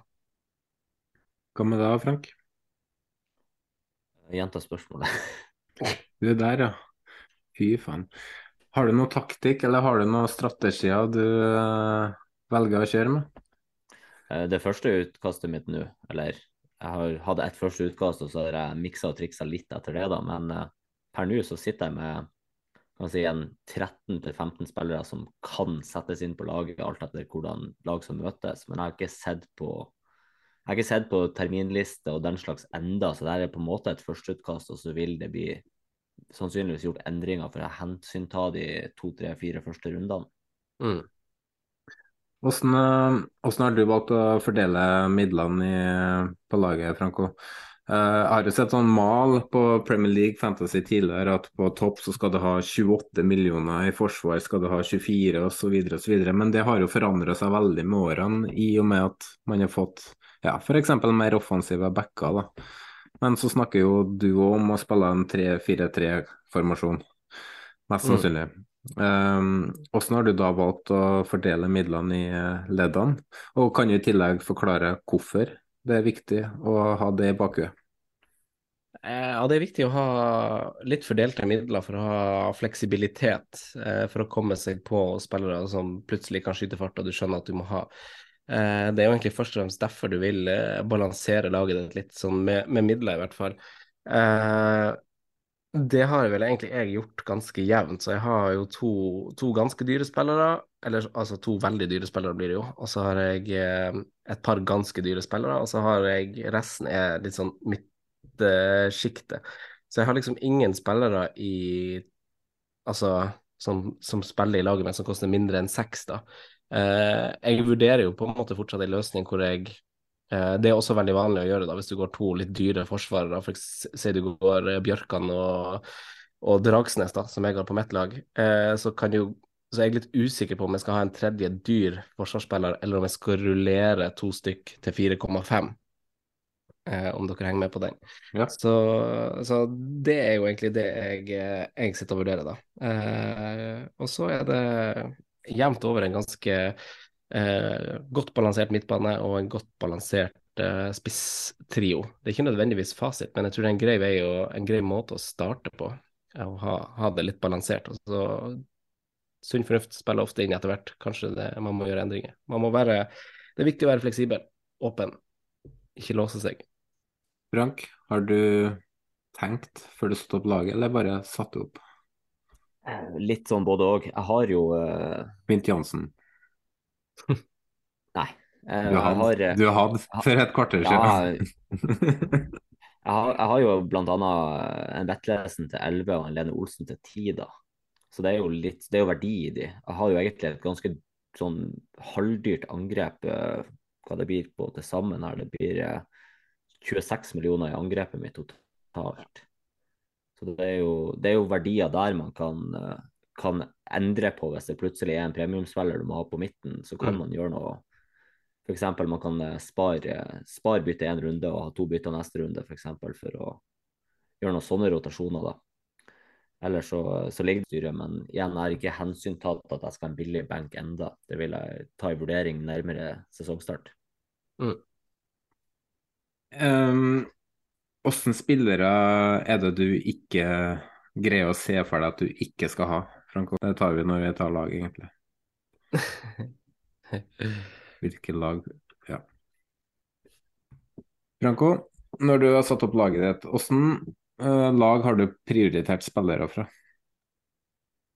Uh, jeg har jo per nå tre brann og litt hjertetenking så har jeg jo selvfølgelig inkludert litt TIL. Jeg tror jo bare uh, litt med referanse til det vi snakka om tidligere, at, at, det er litt sånn shangala-bangala i Eliteserien, så jeg tror ikke den eh, Molde-åpningskampen eh, oppe på Alfheim er grei altså, Jeg tror ikke det er enkel kamp for Molde egentlig å komme opp dit i første serierunde. Eh, så jeg har litt TIL uansett. Og så etter den Molde-kampen så har TIL et ganske fint program, egentlig. Det er litt vanskelig å vite hvor de står. Uh, så jeg har litt TIL. Jeg tror bare det kan være litt uh, verdi der. Det er spennende. Jeg har fylt opp uh, Brann, som sagt. jeg har to Glimt. jeg har to Lillestrøm ingen Rosenborg. Usikker på om jeg skal starte med noen Molde-spillere. Hva med dere? Frank, har du seks Bodø-Glimt-spillere, eller? Jeg kjører 15 Glimt-spillere. Ja, du gjør det? Ja. Jeg, eh, jeg, har jo tre Glimt-spillere. Jeg sa i stad to Brann-spillere, men jeg sier jo jeg har jo keeperen også, så jeg har tre Brann-spillere og tre Glimt-spillere. Ellers så er det litt sånn, eh, litt sånn miksa. Jeg har to uh, rimelig billige fra Sandefjord akkurat nå. Jeg kjører en duo fra Godset og en duo fra Lillestrøm. Ellers så er det, det er både Jeg fant, jeg fant. Oi. Her er Snakker dere de? Fikk de med stemme, du? ja, det var eh, Siri som kobla inn plutselig. og så har jeg en uh, Ålesund, en Odd og en Tromsø. Men har Siri begynt å gjøre det der mer hos dere òg? Altså plutselig ja. begynner bare den der greia å surre der som om det reagerer på pusten din, liksom? Ja, siste, siden nyttår, kanskje. Ja, noe sånt. Jeg har problemet i arbeidsbilen. da. Hvis jeg sier hei, så får jeg svar. Da det, får jeg spørsmål om hva jeg vil for noe. Det er litt irriterende når du hører podkast. Men eh, ja. Jeg har prioritert eh, tre Molde-spillere. Eh, jeg har to fra Bodø-Glimt, og så to, to offensive fra Brann. De tre Molde-spillerne er jo alle tre defensive. Uh, og så har jeg egentlig hatt en jevn spredning utover det, egentlig. Men uh, grunnen til at jeg ikke har Rosenborg, det er ikke fordi at de var ræva mot Viking.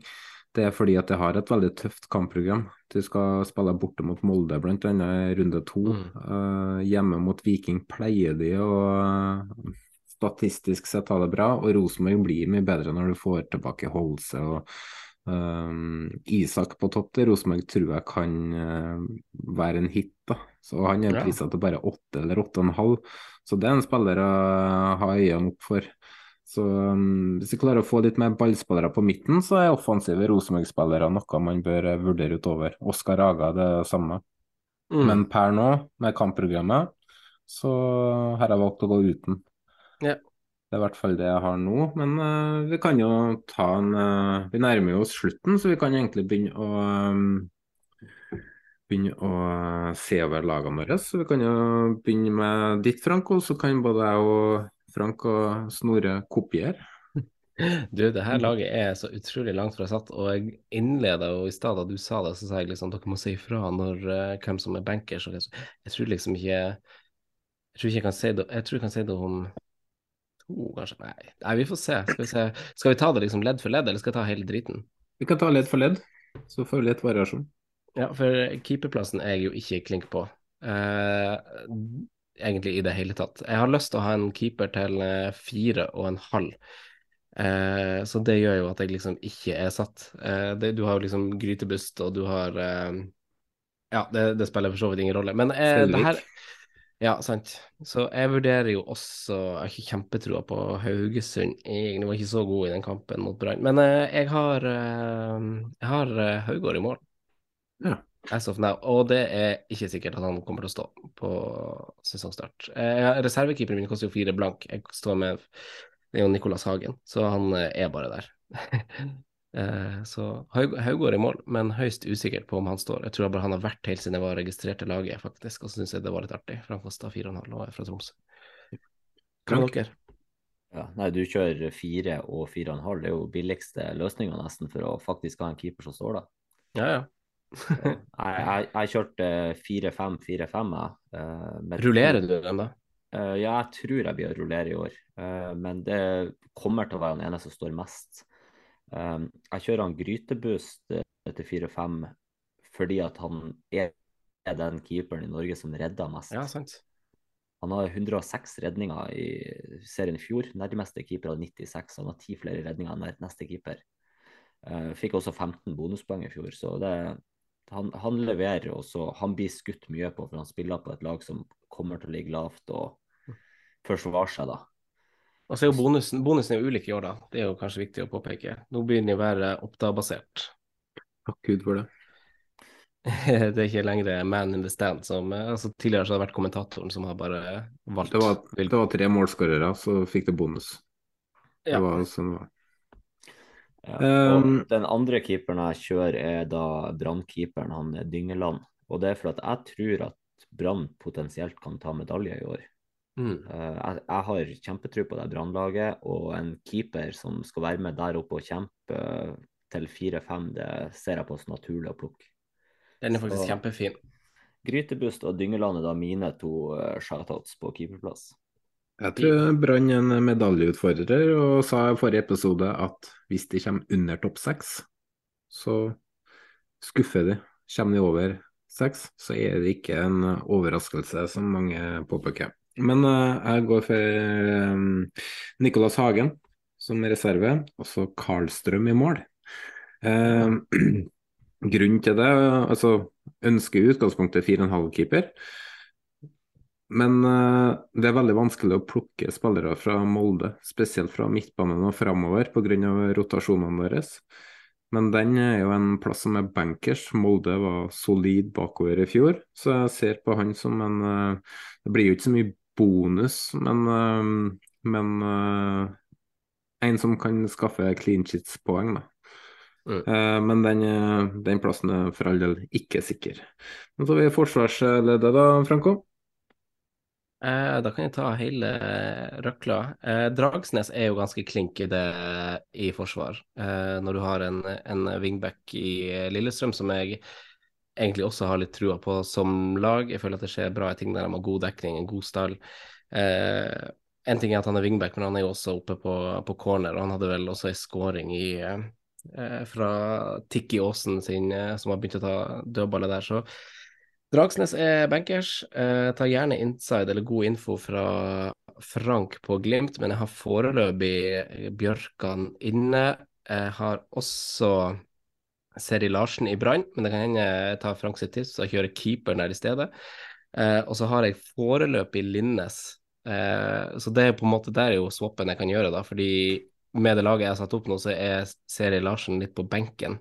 Eh, som jeg har i Brann. Og der kan jeg isteden kjøre keeper, så får jeg kjørt en Brann-spiller òg. Og så er det fire blanke forsvarer forsvarere som femtemann, rett og slett. Og det tror jeg bare Eh, foreløpig står det på Fosnes, men det kan være hvem som helst egentlig på det tidspunktet vi starter. Jeg har ikke fått noe info om noen man tror starter. Så eh, sånn ser det ut. Har dere mange like? Jeg har uh, Seri Larsen og Dragsnes, jeg Ja. også. Så, og de, de tror jeg blir å stå med, for uh, Seri Larsen tror jeg blir å spille fast nå i det midtforsvaret til Brann. Og Dragsnes er Jeg tror han hadde ni målpoeng i fjor. Mm. Fire mål og fem assist, eller, eller motsatt. Uh, veldig målfarlig og, og mye kraft i spillet sitt. Så blir å bidra offensivt. Og så som du nevner han Aasen på dødballer, så er han Dragsnes et våpen. Mm. Så de to har jeg med. Eh, Fra Glimt så har jeg en annen back enn deg, da. Ja, du har det, ja. Hvorfor det? Uh, Jeg kjører han Wembangomo. Eh, over på høyre, får bruke høyrefoten sin nå. En rolle han kommer til å løse bedre enn venstreback-rollen. Vi Blir å komme oftere til innlegg nå, for han får bruke riktig fot. Eh, eh, Er han bankers? Er det ikke noe greier der? Jo, Har noe? greia er det at han eh, Omar El Abdelawi er jo henta inn for å være høyreback og skal konkurrere med han Wembangomo om den plassen. Eh, Omar er under spesialopptrening i Oslo nå fordi at uh, han har slitt med kroppen etter, at, uh, etter noen små, smårusk og småskader i preseason. Så hvem Bangomo kommer til å være førstevalget til Glimt, i hvert fall i starten av sesongen. Så får man jo se hvordan det blir etter hvert. Okay. Bjørk, situasjonen på venstrebacken er litt, litt mer usikker. Bjørkan er naturlig førstevalg, men Adam Sørensen har sett skikkelig bra ut uh, Ja, i oppkjøringa. Og det jeg fort tror, er at han Wembangomo skal stå 90 minutter, mens han Bjørkan kanskje er bytta ut etter 57. Og så kommer han ja. Sørensen på i 33. Oi Og da ry- ryker fort mange av clean-shitene eh, på han Bjørkan fordi at eh, de skal spare han. eh, Og han Bjørkan har jo tidligere også vært litt sånn skadeutsatt i sesonger der han har måttet gå av underveis i kamper for, for å liksom være klar til neste kamp igjen. Det her er god info. Så, Mm. så jeg kjører høyreback i stedet for venstreback på Glimt, eh, sånn som ting ser ut nå. Og eh, Hva var prisen på Breeze? Den koster det Eh, samme. seks blank på begge to. Og nå husker jeg ikke prisen på han eh, Adam Sørensen. Han er seks, han òg. Han er seks, han òg, ja. Men Mm. han vil jeg styre unna til å starte med da.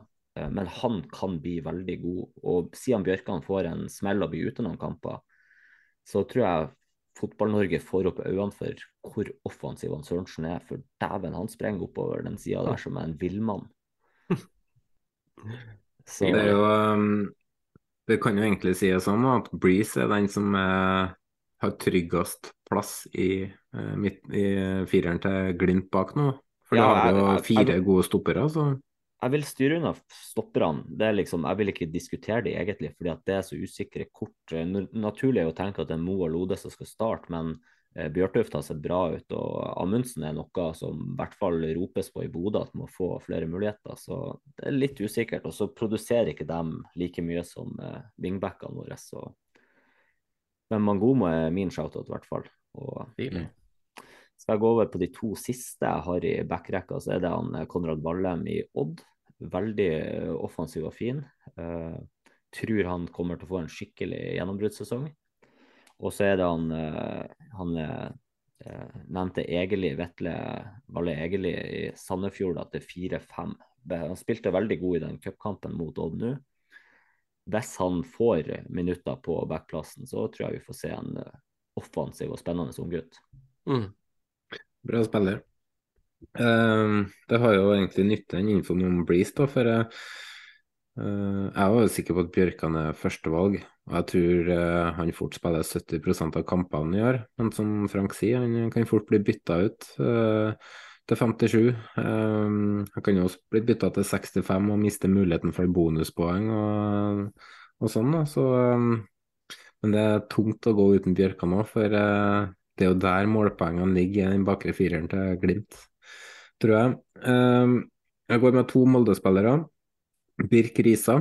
Og så Linnes er der, men eh, det var fordi at jeg satt igjen med to millioner i banken, så da oppgraderte jeg den plassen. Så det ingen av, ja, det er ingen av de som er satt. Konrad Valheim, han tror jeg er ganske bankers på laget mitt.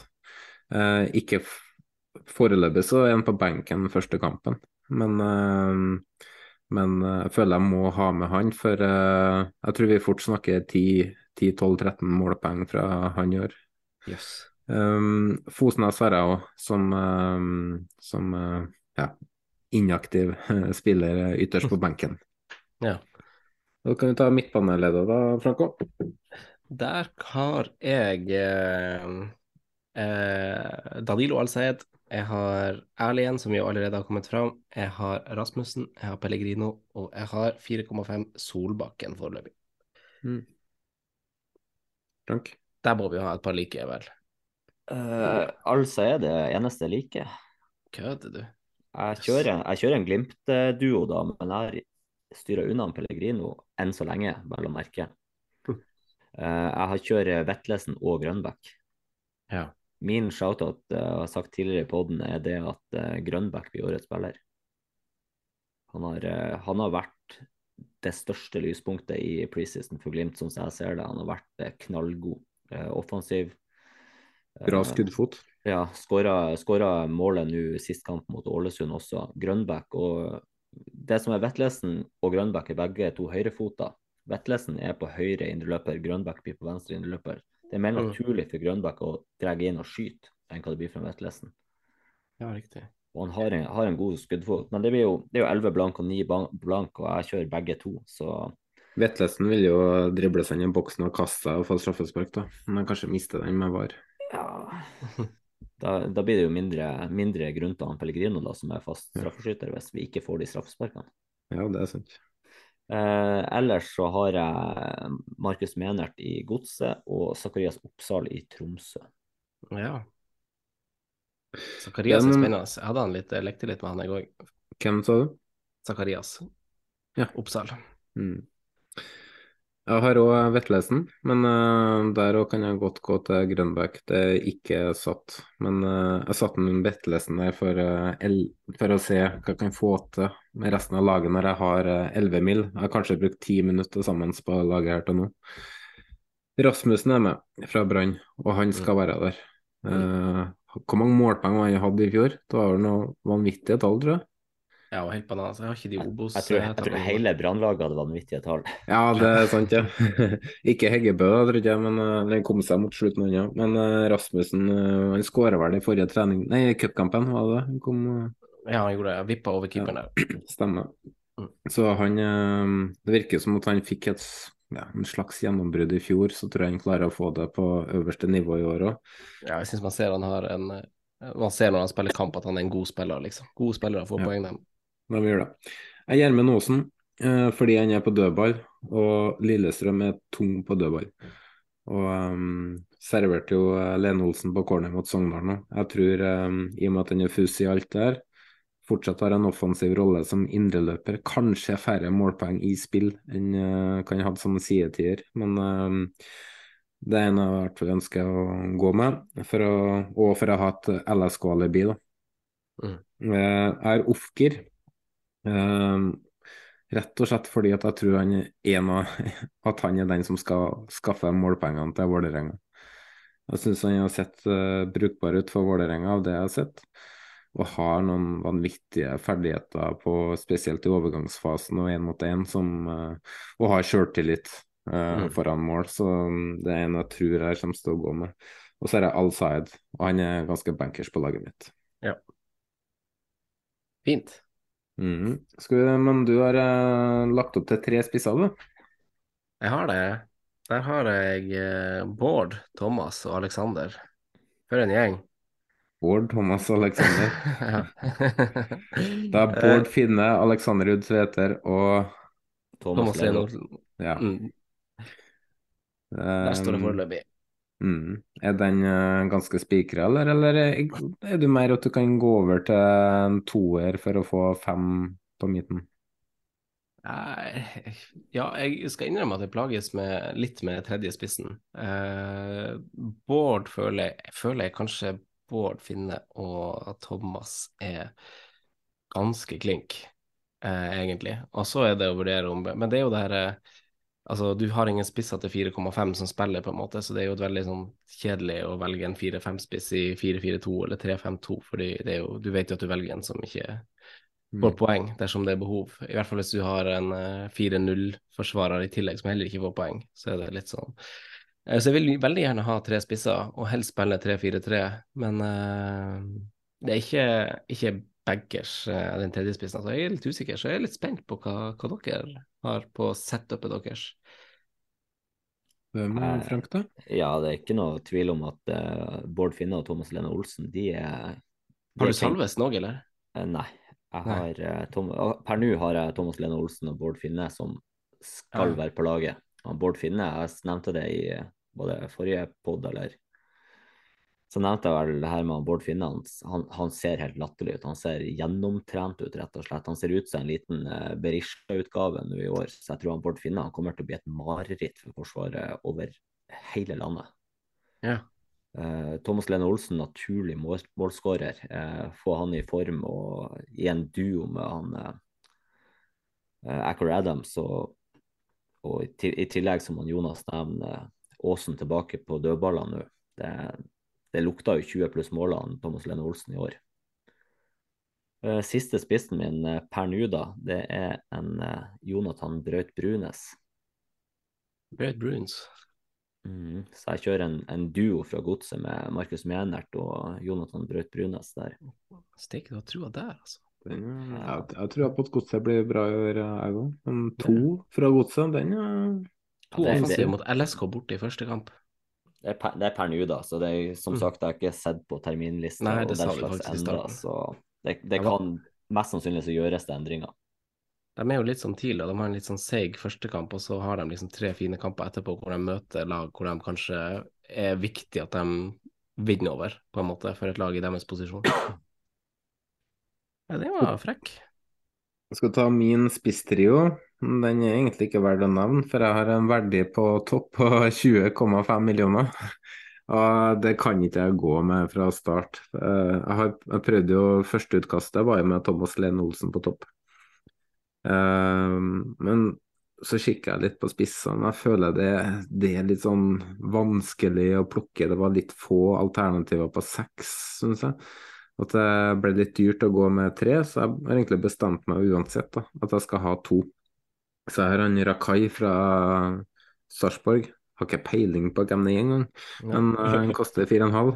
En han slett Eh, Rocky Lekai? Ja, det, det kan godt hende.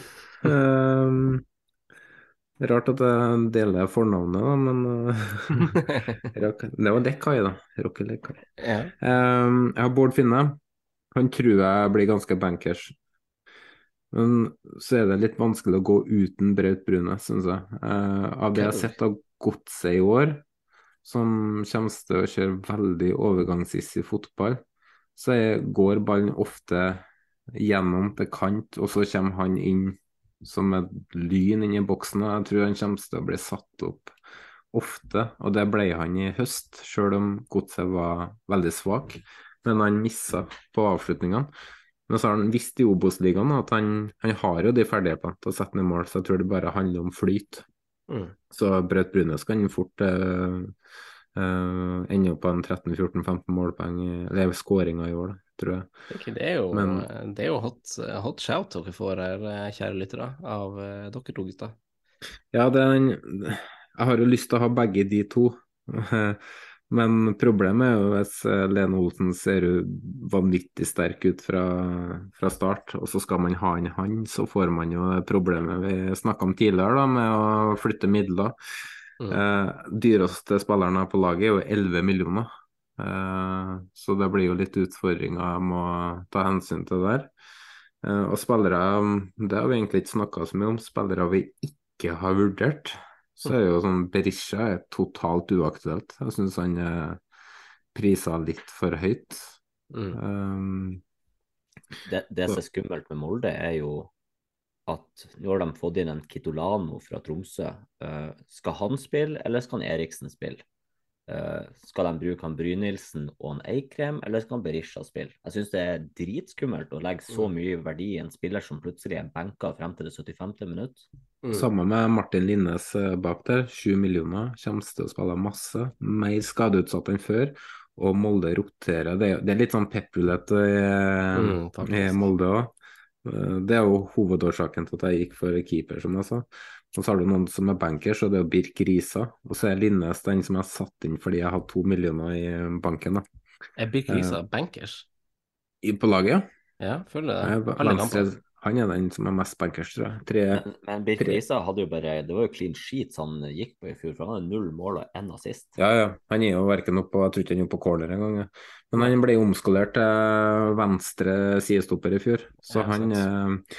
han er bankers. Og så er det variasjon med Altså Haugan er bankers, og så Mm. står det vel og vipper mellom Tidemann Hansen og Bjørnebakk, sikkert på den siste.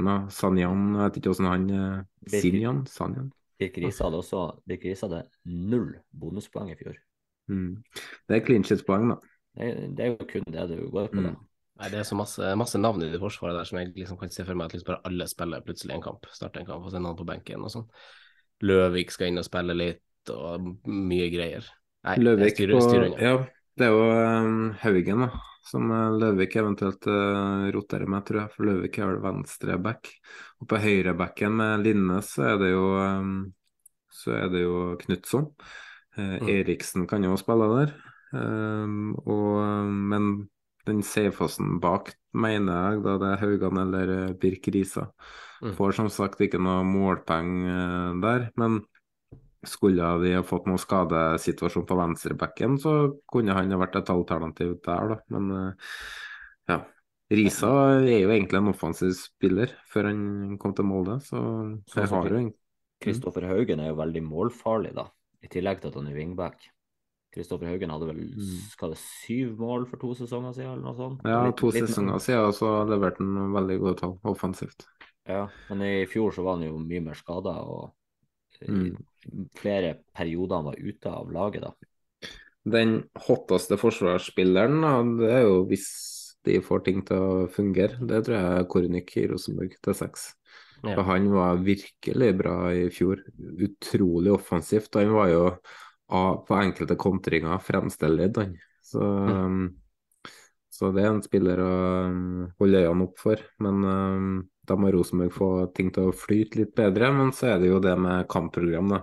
Så tror jeg òg at Rosenborg eh, vil eh, være mye stødigere bakover med langt flere clean sheets i år enn eh, enn i fjor, tror jeg Mm. da. Men det er nå lagene vi har til nå, da, så da har vi egentlig eh, kommet igjennom. Vi har fått inn et lytterspørsmål fra Snorre, som egentlig skal være her, men som eh, ikke er her. Han er gravid dame, får lite oppmerksomhet og lite kos. Hva gjør jeg? Det her har du fabrikkert. Nei. nei, nei, det her har han sendt inn. Har du noen tips? lite kos. Lite Jeg kos. har, jeg har Frank bedre. Ja, Frank, hva Han er en kjærlig fyr. Ja, for, fordelen er jo det at hun bor jo eh, Hun bor jo en halv, en halvt land unna meg. Jeg, får, jeg ser jo bare anna- annenhver uke eller noe sånt. Ja. Jeg var ikke noe svar å komme med der. Eh, Nytt lyttespørsmål fra Snorre. Jeg er alene hjemme, dama er i Bodø. Hva gjør jeg nå? Er hun i Bodø? Ja, vi er i Jeg jeg, Bodø. jeg må dra.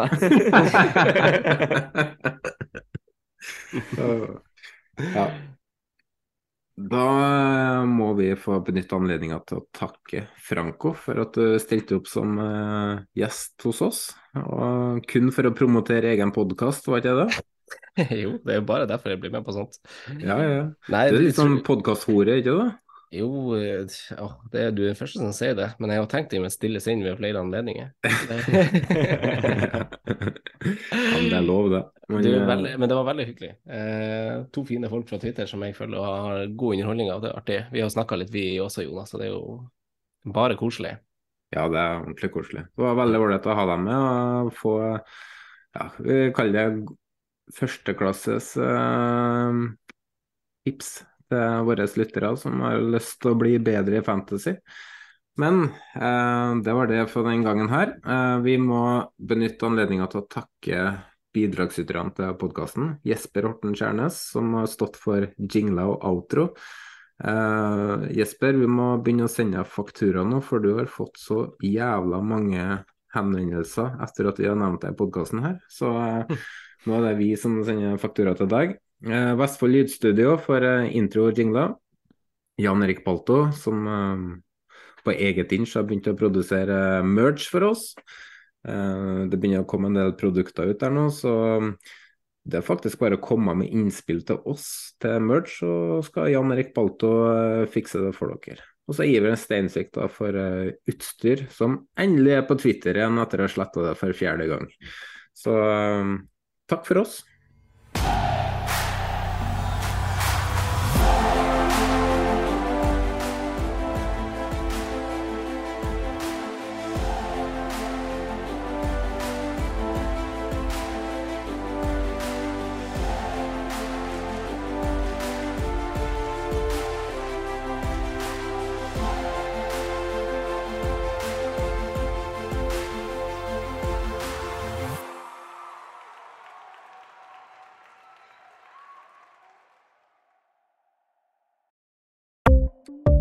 Ukens annonsør er HelloFresh. HelloFresh er verdens ledende matkasseleverandør og kan være redningen i en travel hverdag. Mange av oss har nok vandret i butikken både sultne og uten en plan for middagen, som ender med at vi går for de samme kjedelige rettene gang på gang. Middag burde være dagens høydepunkt. Som HelloFresh kan du nå velge mellom 25 ulike retter hver eneste uke, eller få HelloFresh til å sette sammen menyen for deg. Dette gir deg muligheten til å prøve nye og spennende retter alene eller sammen med familien. Du velger antall porsjoner og får alt levert på døren på et tidspunkt som passer for deg. Oppskriftene er enkle, og maten er lett å lage både for store og for små. Ved å få alt levert hjem får du også mer tid til å dele matgleden med familie og venner. Kanskje det frister med asiatiske tacos eller greskinspirert kylling?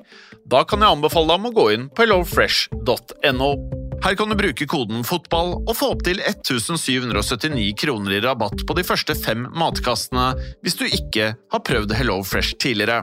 Du kan også bruke rabatten hvis du har vært kunde og stoppet abonnementet ditt for tolv måneder siden eller lengre. Gå inn på hellofresh.no og bruk koden FOTBALL. Ukens annonsør er Folio, en smartere banktjeneste for deg som har en egen bedrift eller ønsker å starte for deg selv. Folio er en superenkel nettbank for bedrifter. Som kunde i Folio får du en bedriftskonto med et bedriftskort og app.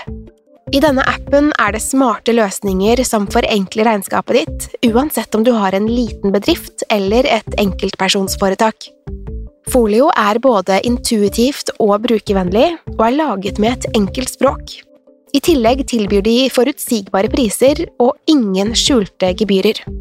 Skulle du likevel trenge det, så kan du snakke med deres raske og hyggelige kundeservice, og der får du prate med en faktisk person og ikke en chatbot. Folio er med andre ord både enklere og koseligere enn banken. Over 10 000 bedrifter har allerede valgt Folio som sin banktjeneste, så besøk folio.no og se hvordan Folio kan forenkle din hverdag også. Har du et enkeltpersonforetak eller en liten bedrift? Da er du sikkert lei av å høre meg snakke om hvor enkelt det er med kvitteringer og bilag i fiken, så vi eh, gir oss her, vi. Fordi vi liker enkelt. Fiken superenkelt regnskap.